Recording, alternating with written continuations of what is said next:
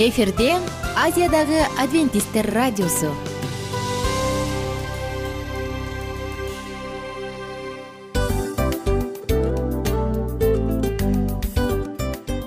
Достор салют. Баардык сүйүктүү угармандарыбызга салам айтабыз. Кутман күнүңүздөр менен.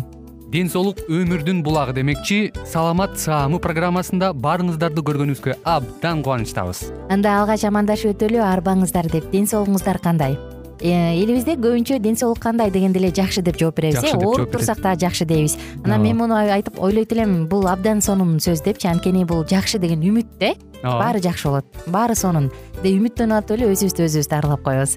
Анысы кандай? Сиздин дагы ден соолугуңуз жакшы беш деген үмүттөбүз чындыгында ден соолук бул өмүрдүн булагы деп бекеринен айтылган эмес деп ойлойм. Кыргыз элинде анткени эгерде ден соолук жок болсо анда адамдын жашоосунда калган баардык керектүү маңыздуу нерселер өзүнүн баалуулугун жоготуп коет. Ошондуктан ден соолук бул эң керектүү нерсе. Ооба туура айтасың кесиптешим. Чынында ден соолугуң жок бир эки үч күн ооруп калсаң эле э кандай болуп калат? Жашоодо көз каранды болуп каласың көп нерсеге жетишпей каласың көп нерсени кыла албай каласың жада калса эшикке дүкөнгө да чыга албай каласың. Туптуура анан ден соолук болсо демек биз биздин бактыбыз тотой деп койсок болот. Анда достор саламат саамы рубрикабызды баштайлы. Алдыда өзүңүзгө керектүү болгон сонун кеңештерди уга аласыздар. Мына ошондуктан биз менен бирге болуңуздар. Ал эми биз болсо милан жана айнура. Кеттик алга. Алга саламат саама ден соолуктун жарчысы. Саламат саама ден соолуктун ачкычы. Күн сайын сиз үчүн мыкты кеңештер сонун жаңылыктар кызыктуу фактылар биздин рубрикада.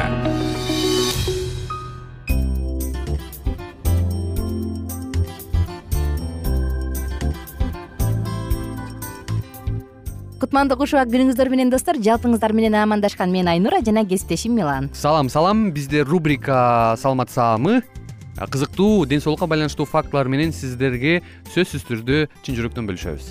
Бүгүнкү тема арыктоонун жолдору кантип арыктаса болот жана кандай ыкмаларды колдонсо болот? Мына ушул жөнүндө сөз кылалы деп турабыз албетте бүгүн арыктайм деген адамдар эң биринчи эле интернетти чукулай баштайт дагы. Анан миллиондогон кеңештердин арасынан жоголуп баш айланып байкуштар эмнени кыларын билбей калышат? Туура туура туура айта кеттиң бирок алардын арасында албетте баягы э, адис эмес адамдардын ар кандай кызыктуу кылып эле бир маалыматты иши кылып бөлүшө берет анан адамдар лайк жогутканга аракет кылышкандар бар. ошону угу беришет. Албетте биз бул рационалдуу ойлонуп баягы тең салмактуу кылып анан жакшылап жакшы бир кеңештерди угушубуз керек. Биз айнура экөөбүз ошол кеңештерди бергенге аракет кылабыз. Эгерде кесиптеш сага келип мен арыктайм деп атам арыктай албай атам эмне кылып жардам бере аласың? деген суроо менен кайрылса эмне деп кеңеш берет элең? Биринчи эле кезекте. Эң биринчи мисалы үчүн дин баягы физкультура тамак дегенге чейин мен эң биринчи эле айтмакмын.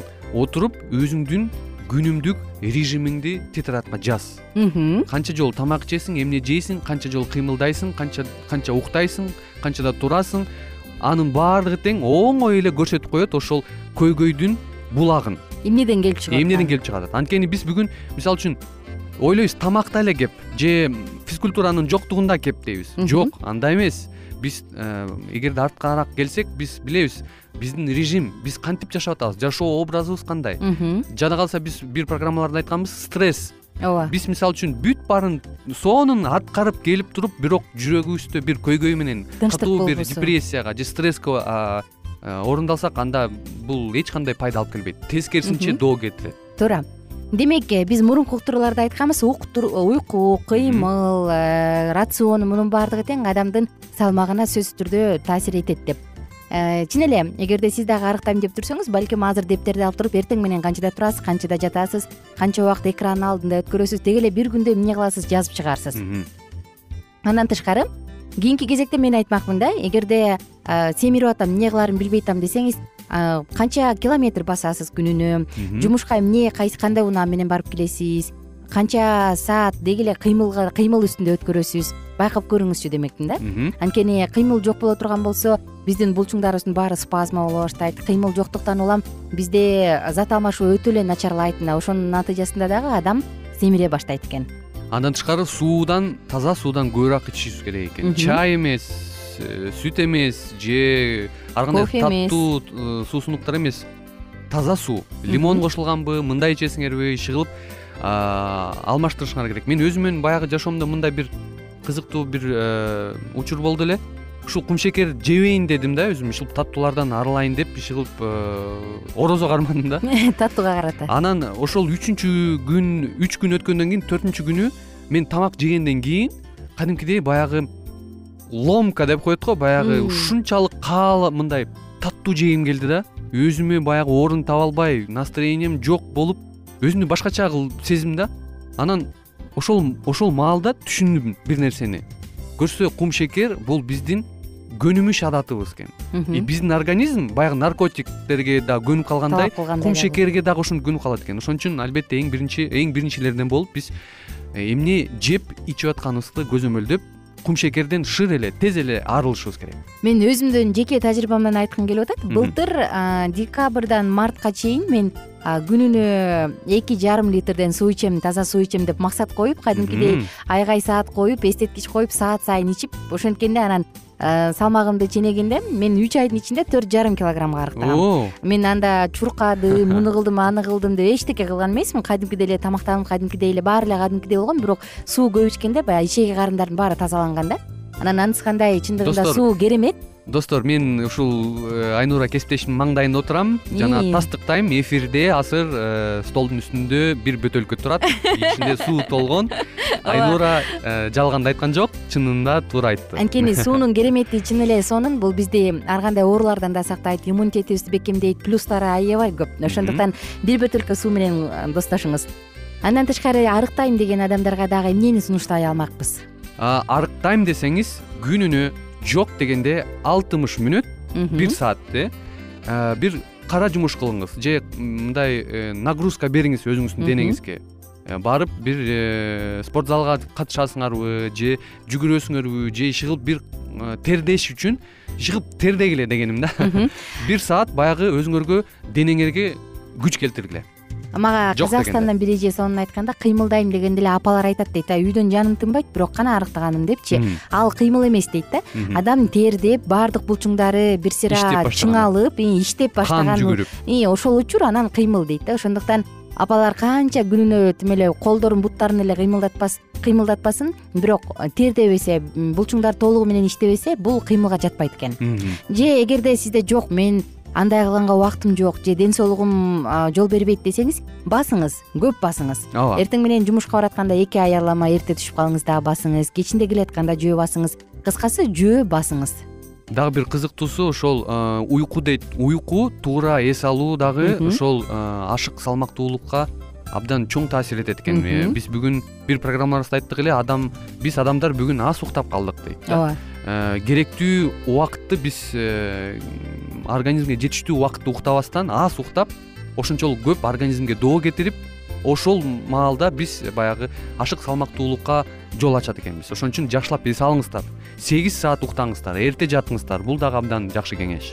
Анан жүрөктө тынчтык болгону зарыл э биз жана саатыбыздын башында да айтып өттүк стресс депрессия бул нерсе адамды семирүүгө алып келет ошондуктан андай нерседен качканга аракет кылыңыз. Анан жада калса адамдын кийингени адамдын башкалар менен баарлашканы маанайынын ачык жүргөнү дагы анын өзүнөн болгон ишенимине жана баардык нерсесине э, абдан түздөн түз таасир кылат экен. Ошондуктан эгерде ийгиликтүү болгубуз келсе анда өзүбүзгө ишенимдүү болушубуз керек экен. Эгерде өзүбүзгө ишенимдүү болгубуз кааласак анда албетте дене келбетине жүрүм турумубузга баардык сүйлөгөн сөздөрүбүзгө дагы көңүл буруу зарыл экен.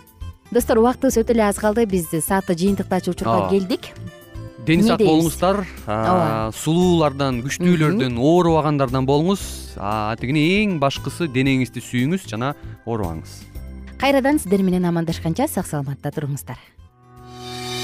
Саламат саама ден соолуктун жарчысы. Саламат саама ден соолуктун ачкычы. Күн сайын сиз үчүн мыкты кеңештер сонун жаңылыктар кызыктуу фактылар. Биздин рубрикада салют замандаштар баарыңыздарга ысык салам. Дил маек программабызга кош келиңиздер. Дил маек рубрикасы дегенде эле бул эмне болгон дил маек ким менен маектешебиз деп сурайт болуш керек угармандарыбыз бул рубриканы кыскача тааныштыра кете турган болсок ар тарап кесип ээлеринен болгон сонун интервью кеңештер бар. Ооба. жылдыздар менен болгон маек бар. Аталарыбыздын агаларыбыздын чоң аталарыбыздан сонун кеңештер бар. Ошондой эле эже сиңдилердин кеңештери бар айтор. Баардык кызыктардын баары алдыда. Негизи эле адам баласы бир кимдир бирөөнө ишенип сырын ачкысы келет эмеспи э мындай баарлашууга жакын келебиз го. Албетте. Негизи бир жерге отуруп алып кенен шашпай баягы жүрөктөн жүрөккө ачып сырларыбызды ар кандай көйгөйлөрүбүз менен бөлүшүп баягы чын жүрөктөн маек курганды кимибиз сүйбөйбүз э? Ооба десең ал нерсеге суусап да келебиз да? Ооба кээ бирде адамга чындыгында баягы э, ысык маек баягы жылуу маек жетишпейт да. Ошондуктан биз ушул рубриканы ойлоп тапканыбызда эң биринчи эле достор сиздер менен чын жүрөктөн бир маңыздуу темаларды козгоп кеткени э, кааладык. Ошондуктан ушундай сонун бир рубриканы тартуулап жатабыз. Анын үстүнө радио дагы сонун дос да анткени э, мындай учурда досуңа айтсаң досуң досуна айтат досу досуна айтат да анан бүт өлкө билип калышы мүмкүн го. А радио болсо сени сатпаган сенин айыбыңды ачпаган сенин сырыңды эч кимге айтпаган сонун дос ошондуктан биздин алдыдагы айта турган кеңештерибизди биздин досторубуздун кеңештерин угуп анан ал жака пикириңизди дагы калтырып кайрадан биз менен байланышсаңыздар болот. Деги эле жашооңузга эгерде кичине болсо дагы өзгөрүү алып моралдык жактан моралдык жактан сонун бир кеңештерди алсаңыз демек биз максатыбызга жеттик. Ооба. Чыңгыз атабыз улуу жазуучу э, чыңгыз айтматов айткандай адам болуу бул күнүмдүк процесс экен. Күн сайын адам бойдон калуу бул адамзатка эң эле кыйын дейт э? э эң кыйын дейт. Чындыгында бунун негизинде адамдын эң баягы сапаттуулугу адамдын э, адамгерчилиги жана көптөгөн керектүү нерселер. Мына ошол темалар дагы бизде э, ушул дил маекте биз аларды да козгойбуз. Ден соолук жөнүндө да сүйлөшөбүз. Сөзсүз түрдө анан милан мырза негизи айтып коюшат го. Биз көбүнчө эмнени ойлонсок? Ошол нерсеге карата иш кылабыз го. Ооба. Анан анысы кандай? Балким бул радио баракчада кимдир бирөөнүн оюн текшергенге жардам берет кимдир бирөөнүн жүрөгүн текшергенге жардам берет. Балким кимдир бирөөгө жашоонун маңызын тапканга жардам берет. Айтор кызыктын баары алдыда бул жөн гана кыскача жарнама анда угармандарыбыздын баардыгын кийинки рубрикабызга чакырабыз. Ал эми кызматта маңдайымда отурган кесиптешим милан жана мен айнура. Анда эмесе биз даярдаган терең терең ойлор менен таанышууга кеттик. Алыс алыс баралык. Анда эмесе достор биз менен бирге болуңуздар. Алдыда эң кызыктуу маалыматтардын баардыгы бир нече мүнөттөр бою жалгыз гана сизге арналат. Мына ошондуктан жакшы маанай менен угууну каалайбыз. Үн алышканча. Жөнөдүк. Ар түрдүү ардактуу кесип ээлеринен алтын сөздөр жүрөк ачышкан сыр чачышкан сонун маек дил маек рубрикасында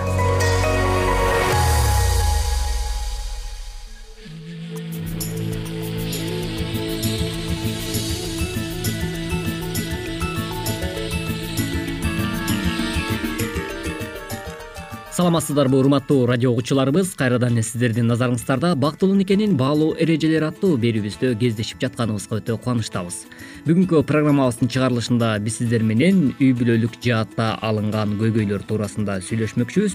Башкача айтканда программабыздын темасы көйгөйлөрдү чечүү деп аталат дал ушул көйгөйлөрдү кантип чечүү керек деги эле э, баягы үй бүлөлүк шартта аял менен эркек э, тил табыша албай калган убакытта көйгөйлөрдү алдын алууда кандай нерселерди кылышыбыз керек ушул туурасындагы бир нече кеңештерибиз менен бүгүнкү берүүбүздө бөлүшүп өтмөкчүбүз. Кайрадан эле кызматыңыздарда аты жөнүм мен улан кубанычбеков жана ошондой эле менин кесиптешим. Саламатсыңарбы жана мен асель мамбетова. Анда эмесе көйгөйлөрдү чечүү туурасындагы бир нече кеңештерибизге назар салыңыз баш кошконуңардан кийин ар кандай кыйынчылыктарга кабыласыңар. Буга экөөңөрдүн ой жүгүртүүңөрдүн кайсы бир нерсеге карата сезимдериңердин же алган тарбияңардын ар башка болгону себеп болушу мүмкүн. Кээде кыйынчылыктар сырт жактан келет же күтүлбөгөн окуялардан улам пайда болот. Албетте ошондой эле айрым учурларда кыйынчылыктарга тике карабай кыя өтүшүбүз дагы мүмкүн. Бирок биз адатта көйгөйлөрдү биринчиден чечип алышыбыз керек биринчиден эле бул жатта биз көйгөйлөр туурасында сүйлөшкөнүбүз абзел. Көйгөйлөр жөнүндө сүйлөшүүгө убакыт бөлгүлө. Сүйлөшүп жатканда жарыңардан ой сезимдерди жашырбай дайыма чындыкты айткыла. Аябай ачууңар келип жатса дагы урушуп кетүүдөн сак болгула. Өзүңөрдү кармап сабырдуу болгонуңар талашып тартышпай жай баракат сүйлөшүүгө шарт түзөт. Оюңар төп келбеген учурда да түгөйүңөрдү урматтап сыйлап ага жылуу жумшак мамиле кылып сүйүү көрсөткүлө. Көйгөйдү мүмкүн болушунча эртерээк чечкенге аракет кылгыла. Жана эч качан бири бириңер менен сүйлөшпөй койбогула. Албетте ошондуктан үй бүлөлүк шартта кандайдыр бир пикир келишпестик болгон учурларда түгөйлөр сөзсүз түрдө э, элибиздин айтып келген эзелки макалын эске алуу менен биргеликте. Башкача айтканда ата бабаларыбыз айтып келген сабырдын түбү сары алтын деген сөздү сөзсүз түрдө жашообузда колдоно турган болсок анда сиздин жашооңуз кыйла жеңил болот экен. Анда эмесе бул жаатта эмнелерди кылсаңар болот? Ушул туурасында дагы сүйлөшүп өтөлү. Биринчиден көйгөйлөрдү талкуулоо үчүн ылайыктуу убакытты тандап алгыла. Ошондой эле өмүрлүк жарыңардын сөзүн бөлбөй кунт коюп угуп кезек кезеги менен бири бириңерге сөз берип сүйлөшсөңөр абдан туура болот экинчиден кунт коюп угуп өмүрлүк жарыңызды түшүнгөнгө аракет кылыңыз ошондой эле жубайлардын ортосунда дагы э, жашоосунда деги эле э, бири бирлеринин ата энелерине карата болгон барктоо сый урматтоо маселеси дагы абдан э, чоң ролду ойнойт экен. Мисалы жубайлар өз ата энелерин кандай сыйлашса жолдошунун дагы ата энесин туугандарын деги эле бүтүндөй алардын тууган уругуна жакшылык менен жакшы мамилелерди алакаларды түзө турган болсо эки жаштын тең эки тараптагы бир туугандары аларга дагы бирдей сый урмат мамилеси көрсөтөт экен. Демек мунун натыйжасында бири бирине карата болгон сый урматты дагы арттырат экен. Андыктан бул нерселерди дагы урматтуу жаш түгөйлөр жана ошондой эле бүгүнкү учурда түтүн булатып бирге никеде бактылуу өмүр сүрүп жаткан баардык түгөйлөр э, сиздер жашооңуздарда ушул нерселерди олуттуу маселе деп карай турган болсоңуз анда сиз туура нукта никеңизди куруп жаткан болот экенсиз. Андыктан урматтуу угармандарыбыз сөзсүз түрдө ата энелерибизди барктоо бул эң негизги парс болуп саналат экен сүйүүңөрдү назиктик менен көрсөткүлө. Бири бириңерге урмат көрсөтүүдө демилгени колго алгыла. Өмүрлүк жарыңарды кантип угаарыңар абдан маанилүү. Анын көз карашын түшүнгөнгө аракет кылып боорукер момун болгула. Угуп жатканда түр көрсөтпөгүлө. Жубайыңар сүйлөшкүсү келгенде мүмкүн болсо кылып жаткан ишиңерди токтотуп ага көңүл бөлгүлө же ананыраак сүйлөшсө болор болбосун сурагыла жарыңарды атаандашыңардай эмес шериңердей көрсөңөр таарынууга шашпайсыңар. Сөзсүз түрдө ошондой эле бул жаатта дагы эмне кылсаңар болот? Ошондой эле өмүрлүк жарыңардын айтып жаткандары силерге жакпаса дагы уга билгениңер жакшы. Мындан сырткары дагы сөздөрүңөрдүн артында кандай ойлор жаткандыгын баамдөөгө аракет кылгыла. Түгөйүңөрдүн жаң соолоруна үнүнүн тонуна көңүл бургула ушул нерселерди эске алуу менен биргеликте алдыдагы көйгөйлөрдү чечкенге эң сонун мыкты жардамчы болмокчу. Үчүнчүдөн чечимиңерге ылайык иш кылганыңар жакшы. Ар бир эмгектен пайда бар. Ал эми куру сөз жарды кылат чыгарылган чечимге макул болуп коюу жетишсиз. Экөөңөр тең ага ылайык иш кылышыңар керек. Бул көп эмгекти жана күч аракетти талап кылышы мүмкүн. Бирок ошого татыйт. Эгер эри шаркак иш кылсаңар эмгегиңердин үзүрүн көрөсүңөр мындан сырткары дагы эмне кылсаңар болот? Көйгөйлөрдү чечүү үчүн ар бириңер эмне кылаарыңарды сүйлөшүп алгыла. Маал маалы менен кандай жылыштар болоорун текшерип тургула ошондой эле ар бир көйгөйлөрдү чогуу чечкенге аракеттенгиле. Биримдикте иш кылуунун аркасында ынтымагы жок бактысыз эмес бактылуу үй бүлөлөрдөн болосуңар. Андыктан өткөн кеткенди сууга салып келечегиңерди ойлогула бири бириңер менен кызматташып кеңештериңерди колдонсоңор кандай көйгөй болбосун баарын чече аласыңар. Андыктан бул жаатта ойлонуп көргүлө. Өмүрлүк жарым менен биринчи кезекте кайсы көйгөй тууралуу сүйлөшкүм келет? Анын көйгөйгө карата кандай ойдо экенин түшүнүш үчүн эмне кылсам болот? Ошондуктан бул жаатта дагы өзүңөрдүн көйгөйүңөрдү чечүү жолунда сөзсүз түрдө акылга алчаап бири бириңер менен кеңешип иш кылганыңар абдан жакшы болот экен эрди катын урушат ээси кеткен болушат деген дагы жакшынакай сөз бар эмеспи. Демек үй бүлө жаатында кандайдыр бир ыйкы тыйкы пикир келишпестик ич ара чыр чатактар орун алган учурларда бири бириңерге карата болгон көйгөйлөрдү чечүүдүн эң бир мыкты жолу болуп бул жөн гана сабырдуулук менен бири бириңиздерди уга билгениңер абдан маанилүү болуп саналат экен. Андыктан сөзсүз түрдө ушул нерселерди жашооңуздарда колдонуп жана аракеттене бериңиз деген тилегибизди билдиребиз ошондой эле жогорудагы айтылган баардык кеңештер сиздердин жашооңуздарда өзүнүн үзүрлүү жемишин бере берсин деген тилекти билдирүү менен биргеликте бизге бөлүнгөн убакыт дагы ушуну менен өз соңуна келип жетип калды. Микрофондо кызматта мен улан кубанычбеков сиздер менен биргеликте болдум. Жана ошондой эле менин кесиптешим. Жана ошондой эле мен асель мамбетова. Бүгүнкү уктуруубузга назар салганыңыздар үчүн ыраазычылык билгизебиз. Кайрадан эле биз сиздер менен дал ушул ободон үн алышканча ар бириңиздердин үй бүлөңүздөрдө ынтымактык орун ала берсин деген тилек менен бүгүнкү программабыздын көшөгөсүн жапмакчыбыз. Эмки уктуруудан кайрадан эле биз сиздер менен дал ушул ободон үн алышканча аман туруңуздар. Ар түрдүү ардактуу кесип ээлеринен алтын сөздөр жүрөк ачышкан сыр чачышкан сонун маек дил маек рубрикасында жан дүйнөңдү байыткан жүрөгүңдү азыктанткан жашооңо маңыз тартуулаган жан азык рубрикасы.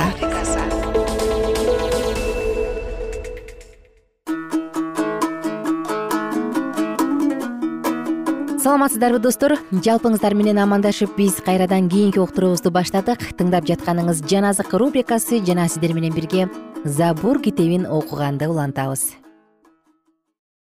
Он бешинчи забур дөөттүн ыры. Кудай мени сактай көр анткени өзүңө таянам. Мен теңирге мындай дедим. Сен менин теңиримсиң сага менин тартууларымдын кереги жок.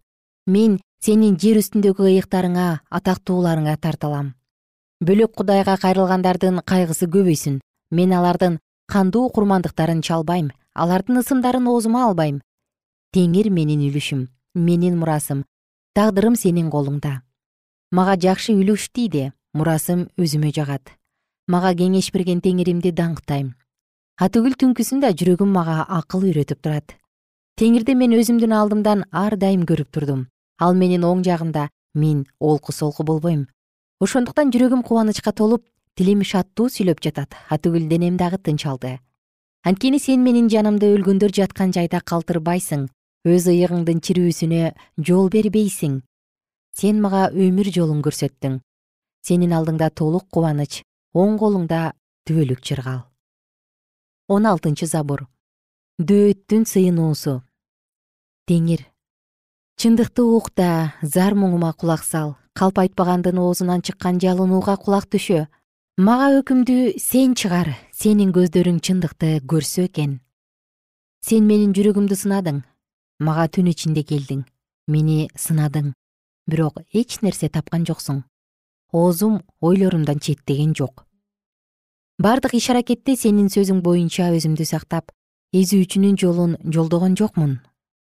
Менин кадамдарымды өз жолдоруңда бекемде буттарым оңго да солго да бурулбасын.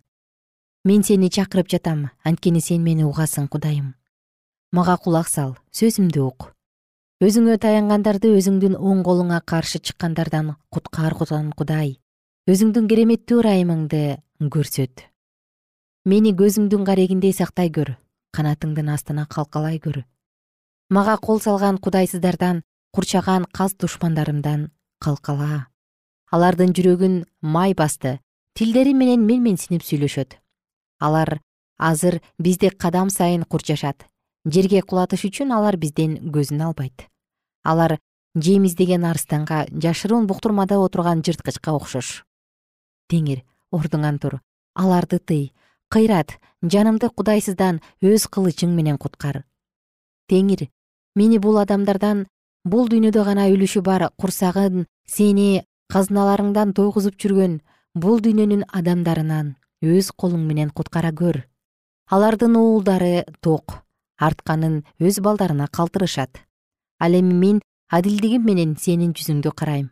Ойгонгондо сенин бейнеңди көрүп көзүм тоет он жетинчи забур ырчылар тобунун башчысына. Теңир бардык душмандардын жана шабуулдун колунан куткарып алганда теңирдин кулу дөөттүн теңирге ырдаган ыры ошондо ал мындай деди. Сени сүйөм теңирим. Күч кубатым менен менин теңир менин тирегим баш баанам куткаруучум. Кудайым менин асказоом мен ага гана таянам ал менин калканым куткаруучу мүйүзүм таянуучум. Табынууга татыктуу теңирдин атын чакырып душмандарымдан кутулам. Мени өлүм азаптары курчап алды кыйынчылыктардын агымы үрөйүмдү учурду мага өлгөндөр жаткан жайдын чынжырлары салынды өлүмдүн торуна чалындым. Мен кысталышта калганда теңиримди чакырдым кудайыма жалындым. Ал өз турагынан менин үнүмдү укту зар муңум анын кулагына жетти. Жер силкинип термелди тоолордун негиздери ордунан козголду. Анткени кудай каарданды. Анын каарынан түтүн көтөрүлүп оозунан баарын жалмай турган от чыкты. Андан күйүп жаткан чоктор чачырап жатты.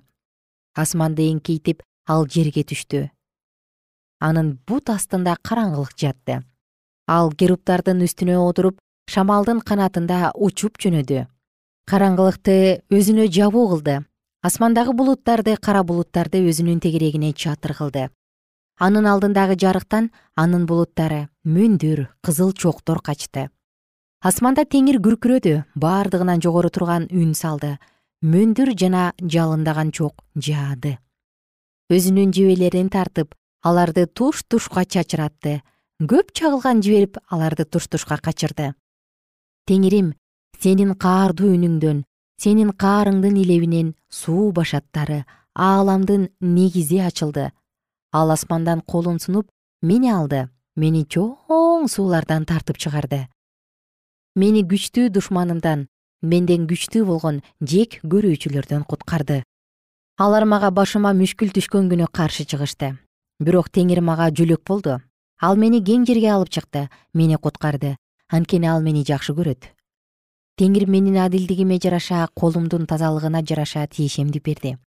Анткени мен теңирдин жолун сактадым кудайымдан четтеген эмесмин. Анткени анын бардык мыйзамдары менин алдымда. Анын көрсөтмөлөрүнөн четтеген жокмун. Мен кудай алдында таза элем күнөө кылып албайын деп сактанчумун. Теңир өзүнүн көз алдындагы адилдигине жараша колумдун тазалыгына жараша тиешемди берди. Боорукерге сен боорукердик кыласың адил адамга адилет мамиле кыласың тазаларга тазалыгына жараша мамиле кыласың. Алдамчыга алдамчылыгына жараша мамиле кыласың. Анткени сен эзилген адамдарды куткарасың. Ал эми менменсинип карагандарды кемсинтесиң. Теңир сен менин шамымды күйгүзөсүң. Кудайым караңгымды жарык кылат. Мен сени менен аскерлерди талкалайм кудайым менен чепти ашып түшөм. Кудай анын жолу таза теңирдин сөзү таза. Ал өзүнө таянгандардын баарына калкан теңирден башка кудай барбы? Биздин кудайдан башка сактоочу барбы? Кудай мага күч берет мага түз жол салат. Буттарымды бугунун буттарындай кылат. Мен бийик жерлерине чыгарат. Колумду согушка даярдайт ошон үчүн колдорум жез жааны сындырат. Сен мага куткаруучу калканыңды бердиң. Сенин оң колуң мени колдоп турат. Сенин ырайымың мени жогору көтөрөт кымбаттуу угарман сиздер менен забур китебин кийинки уктуруубузда улантабыз. Ага чейин амандашканча сак саламатта туруңуздар.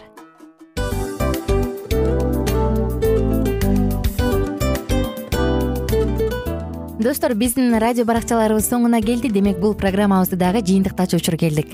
Учурга келдик. Анан кесиптешимен сурагым келип турат. Негизи эле иштин башталып атканы кубандырабы сени же жыйынтыгы кубандырабы албетте жыйынтыгы. Себеп дегенде сен кылган ишиңдин жыйынтыгын көрүп э, баягы мөмөсүн көрүп дегендей жыргайсың жүрөгүң жемишинен тартып э? Кандай даамдуу деп. Баягы буудай сепкенде эмес буудай эгинди жыйнагандан кийин ысык нанды жегенде кадимкидей ырахаттанасың го. Ой айтпа туура айта кеттиң сонун салыштыруу болду анан мен дагы абдан кубанып турам анткени биз угармандарыбыз үчүн аябай эмгектенип келген уктуруубуздун соңуна келип калдык. Анан эми э, уктуруубуздун соңунда угармандар кандай пайда алып калды экен деп күтүп турам да. Балким э, менин жашоомо өзгөрүү киргизе турган сонун сөздөр болду. Мен ушул нерсени изилдеп анан кабыл албасам ушул нерсени кылбасам деген чечим чыгарсаңыз анда биз абдан кубанычтабыз. Сөзсүз түрдө андыктан кийинки биздин кызыктуу уктурууларыбыздан көрүшкөнчө сак саламатта калыңыздар. Чыдамсыздык менен сиздерди мен милан жана кесиптешим айнура күтөбүз баардык угармандарыбызга ийгиликтүү күн каалайбыз. Качан гана болбосун уртуңуздан жылмаюу кетпесин үйүңүздө көмүр жүрөгүңүздө көңүл болсун дейли